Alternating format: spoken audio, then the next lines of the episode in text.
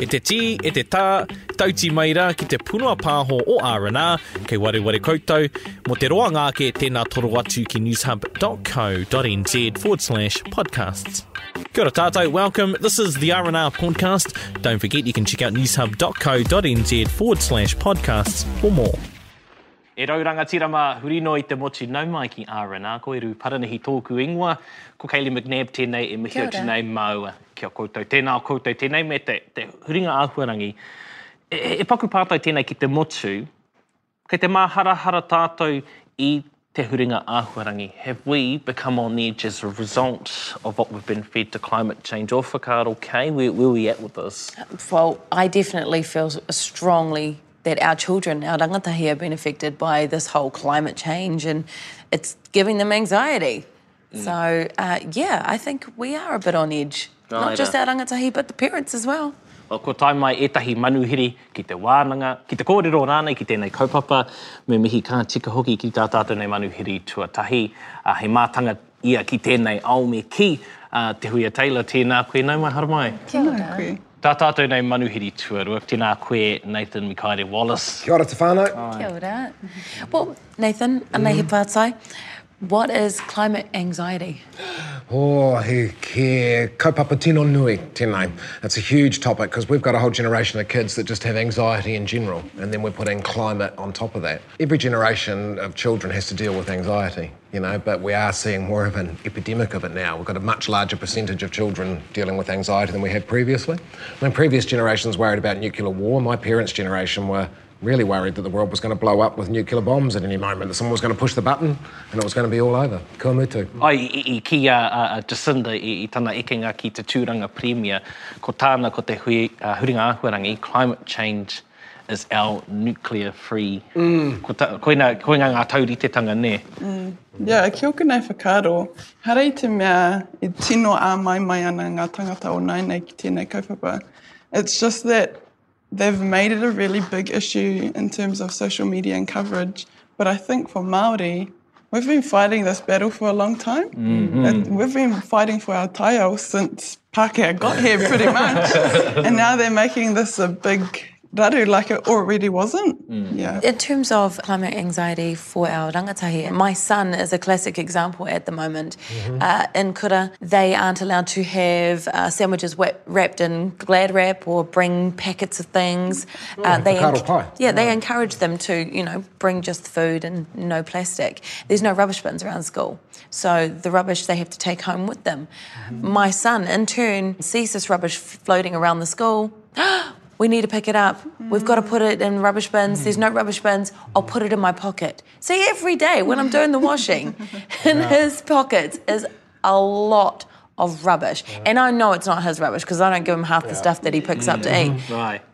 But this is part of his anxiety on what is happening to the world at the moment. Is that his way to manage the anxiety, though? Because it sounds like he's doing something proactive. When yeah. I deal with kids with anxiety, it's normally that reaction to anxiety, that reaction to nuclear war, or mm. my hmm. generation was the ozone layer, or, you know, climate change. He's doing something proactive. He's picking up the rubbish mm. and he's contributing to making the climate better.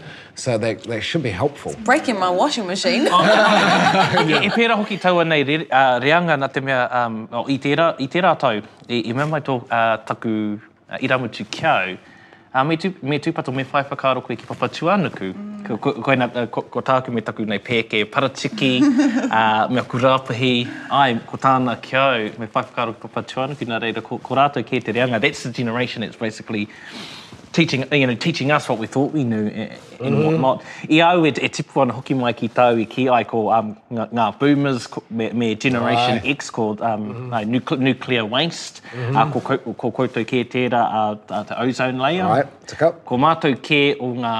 Um, He aha me kī ngā millennials i mua ake i a climate change ko Y2K. Y2K, aye. He mea hanga nā te ao pāpāho, nē. And so I guess the majority of that has come from media portrayal and that. I remember i hoki mahara ki te wā i kī mai ētahi o ōku hoa me whakatika ngā ngā mihini, ngā ngaruwiti me pērā nā te mea, aye, ka pao, ka pao, basically saying that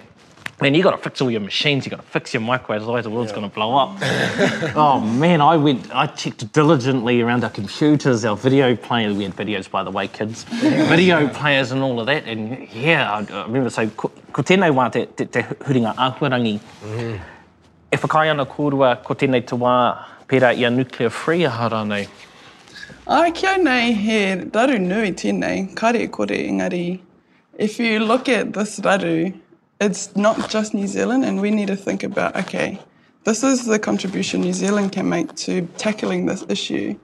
But because we're such a small country, we have to look to countries like America and China to actually take a really big step to actually tackle mm. this. Mm. And no reira kia nei, me tino um, whakarite tātou i konei kia pai tō mātou noho mena ka pā mai e raru. So we have to get ready for some of these things.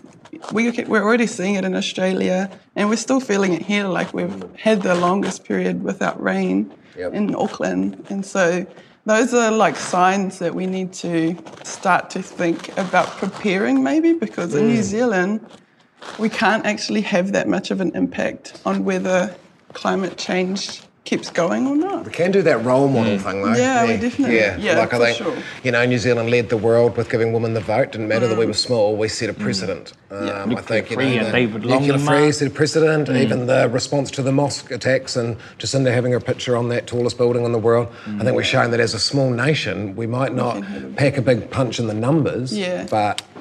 we can pick a big punch just through role modelling. Well, how are we supporting our rangatahi though in these feelings of? I mean, my son talks about the sun is going to melt us. Mm. You know, and and he's scared. Mum, yeah. I don't want to die. Yeah. Mum, I don't want to do this. You know, so these are anxieties that are popping up inside Kura because they're talking about mm. climate change and how they can be of help. But how do we support that and help them?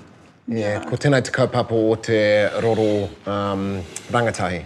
You know, that's part mm, of the mm, mm. teenage mm. brain, is that your emotional brain is got a, a, supercharger on it during adolescence, and your logical brain that sees consequences and outcomes and calms that emotive response is basically shut for renovations.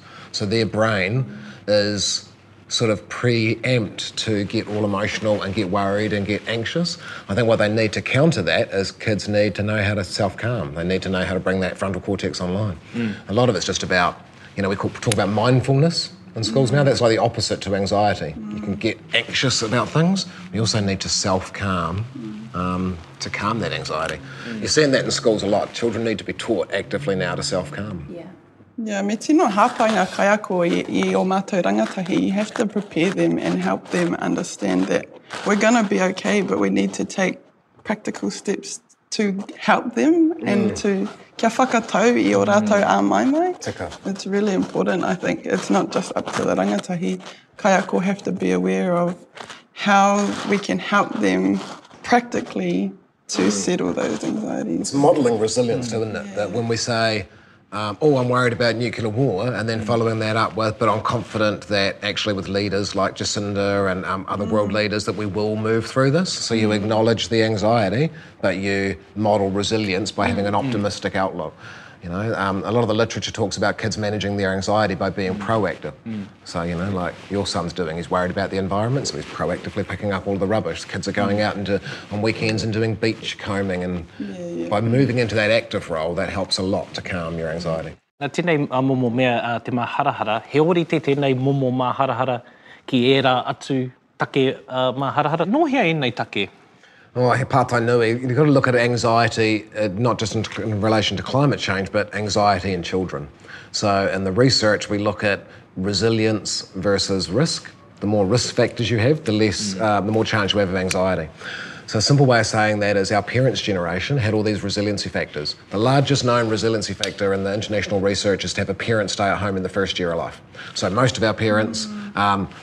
they had a parent that stayed at home with them the first year of life. Um, they had a parent stay at home with them until they were three. They had a parent stay at home with them until they were 18. So they're well down the resiliency end. Most of our parents lived around their extended whānau. So there was grandparents and uncles and aunties.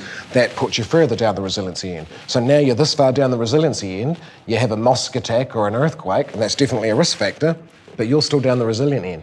In one generation, we've got children, 51% of children are, are in childcare before their first birthday. So no longer as a population do we even get that first step of building resilience, of having a parent at home in the first year of life. Um, most of us don't live around our extended family, so we're mm. isolated. So we've just basically taken away all the resiliency steps that my parents' generation had at home parents, grandparents available. My grandmother was 100% available because she wasn't allowed to work. My grandfather was really sexist and was like, mm. no, it looks really bad if you work, it looks like I can't support my wife. So she wasn't even allowed to do volunteer work. That's sexist, but it still meant I had a completely available grandmother all the time. These are all resiliency features. We've got a whole generation of kids that don't have their, their grandparents are at work,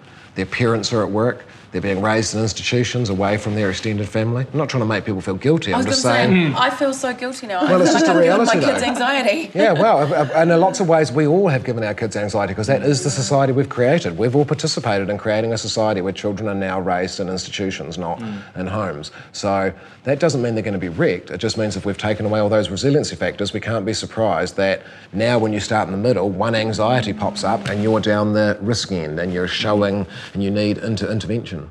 So we have to understand in that larger context of what we do as a society.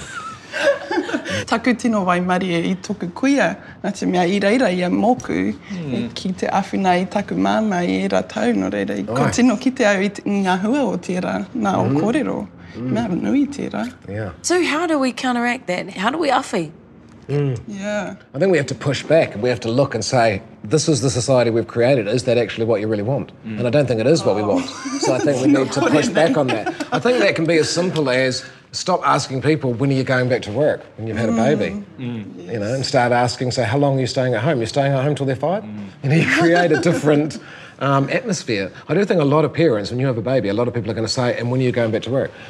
So the expectation is being at home looking after your kids isn't valued, you should need to go to work and earn money? Nā, koinā ngā kupu a, a Nathan ne, e tīmata ai ki te whakatupuranga ne, mm. mai te tīmatanga o, ai, kia kotahi tau, a, ka puta mai ērā momo a wangawanga.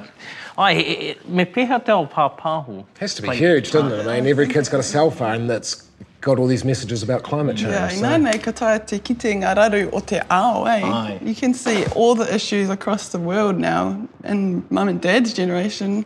It was just what was happening here, and they might get yeah. small snippets of Six things on the news. news. Oh, yeah. but now, ngā wā katoa, ka kite i nei raru i tō waia. I think it's important that we do know about these issues so that we can prepare and so we can contribute. And like you said about being a leader, New Zealand has the opportunity to do that. Yep. So maybe that's a big step for New Zealand to look at mm. ourselves as leaders in this way. I'm actually getting more and more nervous talking about it now. Mm. The fact that we only have 4,000 days or something like that to change emissions, like it's actually making me more anxious.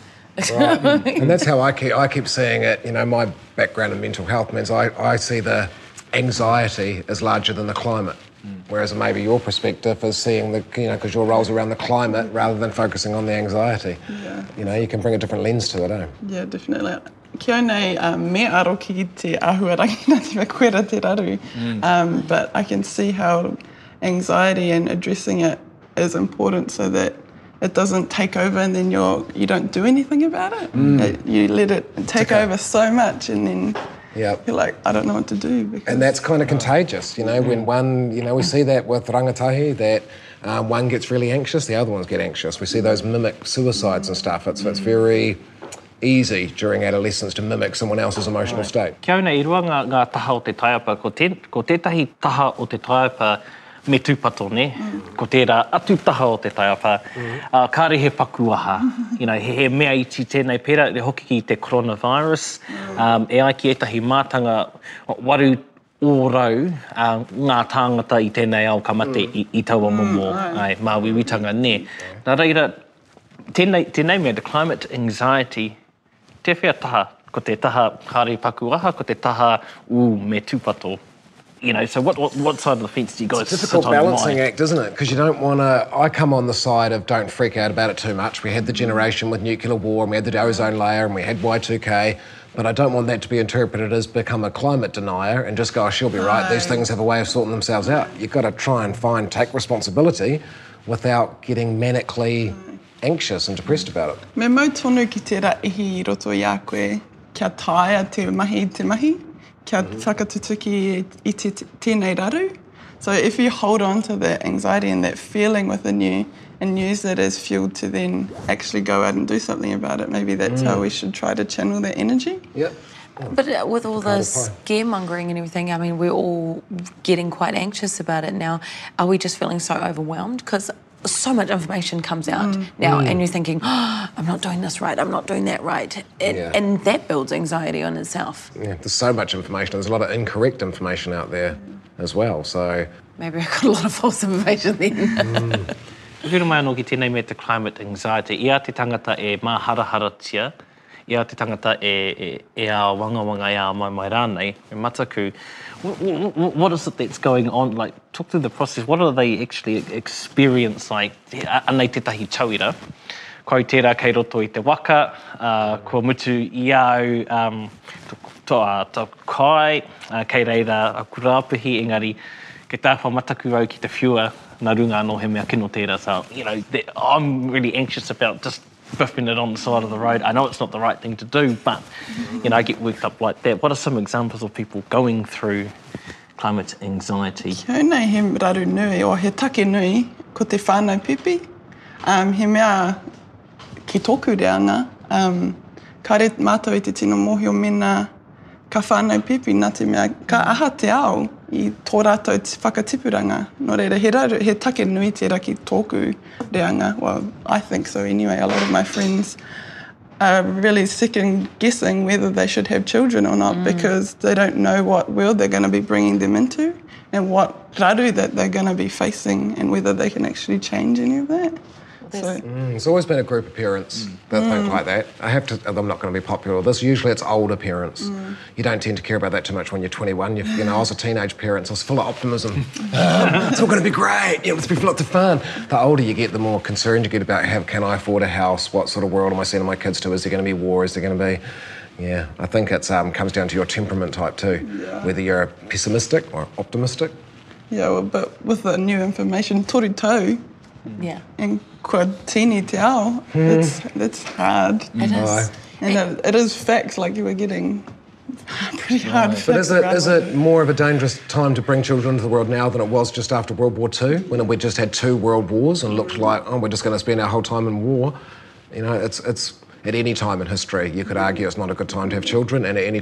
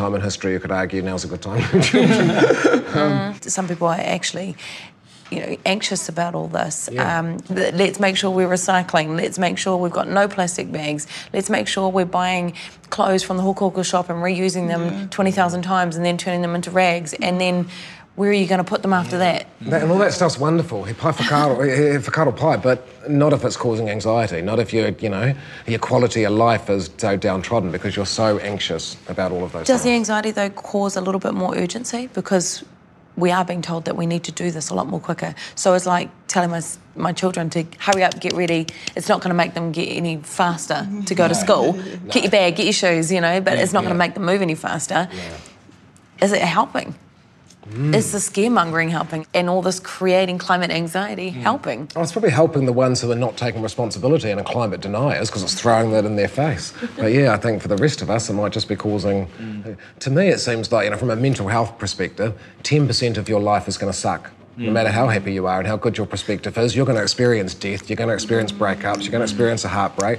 Um, 10% of your life's going to be wonderful. Even if you're a miserable, sour puss yourself, you right. will probably fall in love, you will probably have children, there will be moments of great joy. So 10% sucks, 10% is great joy, 80% is deciding your perspective on it in the middle. And I think if you're We have to try and have a positive perspective and to model that positive perspective to young people mm. so that we're resilient in the 10% of woe, but we try and have a resilient, positive outlook in that place where we do have a choice, that 80% of life in the mm. middle. Ai au whakarongo ana kia, kia koutou, kia kōrua rānei uh, e kōrerorero, e wānanga hiai. Um, ko tāku kei te kite au, um, Me kore rawa tātou e māharahara engari me ū ki te whakatika kia kore rawa, āe kia kore rawa tātou e āwangawanga, it seems to me that whilst it's important to address some of these issues, it's not really worth the fuss of getting anxious about it too. That, that, that's kind of the, koinā ētahi o ngā kōrero kua puta i a au e noho mū ana ki te whakarongo, kua pērā a Kōrero Tōrangapū? Āe, whakaae ana au ki tērā. It's, Like I said before, you can't just let the anxiety take over. Nā te mea, mēnā ka pērā, ka karekau ngā mahi, nō reira, me whakatau i tērā rongo i roto i a koe kia taea, kia wātea ki te mahi, haere tonu ki te mahi tonu, ki te whakatika i tēnei raru. Tae, tae. I think children, they need to be actively taught how to do that. We used to take it for granted that you knew how to calm yourself down, but that really come from you hanging out at home with your mum or your nana and in a really relaxed, calm, you know, you felt like having a pajama day, so you just stayed having a pajama day and watched me. That chilled you out. Now children are busy and scheduled, and mm. um, so we have to actively teach. What you used to get from just lying on the couch where your nana looked after you, um, now we have to actively teach that mindfulness, that ability to self calm, that ability to regulate ourselves. It's not a hopeless situation, it just means we have to actively teach our children that or they're all going to be prone to anxiety. Mm. O koro, mā kua tae ki te whakamutunga engari, he kōrero whakamutunga ā kōrua. Uh... Uh, ko tōku whakaaro tuatahi, you know, the big thing for me would be, if I was going to give parents one piece of advice in managing anxiety, it would be about Um, keep your child out of structured learning before the age of seven. So, under seven, you should be playing in a child led free play environment. Don't give in to the temptation to get your child ready for school, to teach them the alphabet, colours, and numbers at three and four, because the reality from research is that the more structured play you have under seven, the more statistical chance there is you'll have anxiety and depression as a teenager. Mm. The more free play there is under the age of seven, the less statistical chance you'll have anxiety and depression as a teenager. So, we can prevent a lot of this anxiety Must stop putting our kids into stressful, structured worlds too early. Under seven, you need to play. It needs to be child-led. Mm. Mm. Nā reira, hei whakarawa pupu tō au kōrero, waiho ngā tamariki hei tamariki, ne? Ai. Ai. Te huia, e kōrero whakamutunga au. Tēnei me maumahara a Māori ki tō rātou kaha. We've been resilient for a long time and we need to hold on to that resilience to tackle this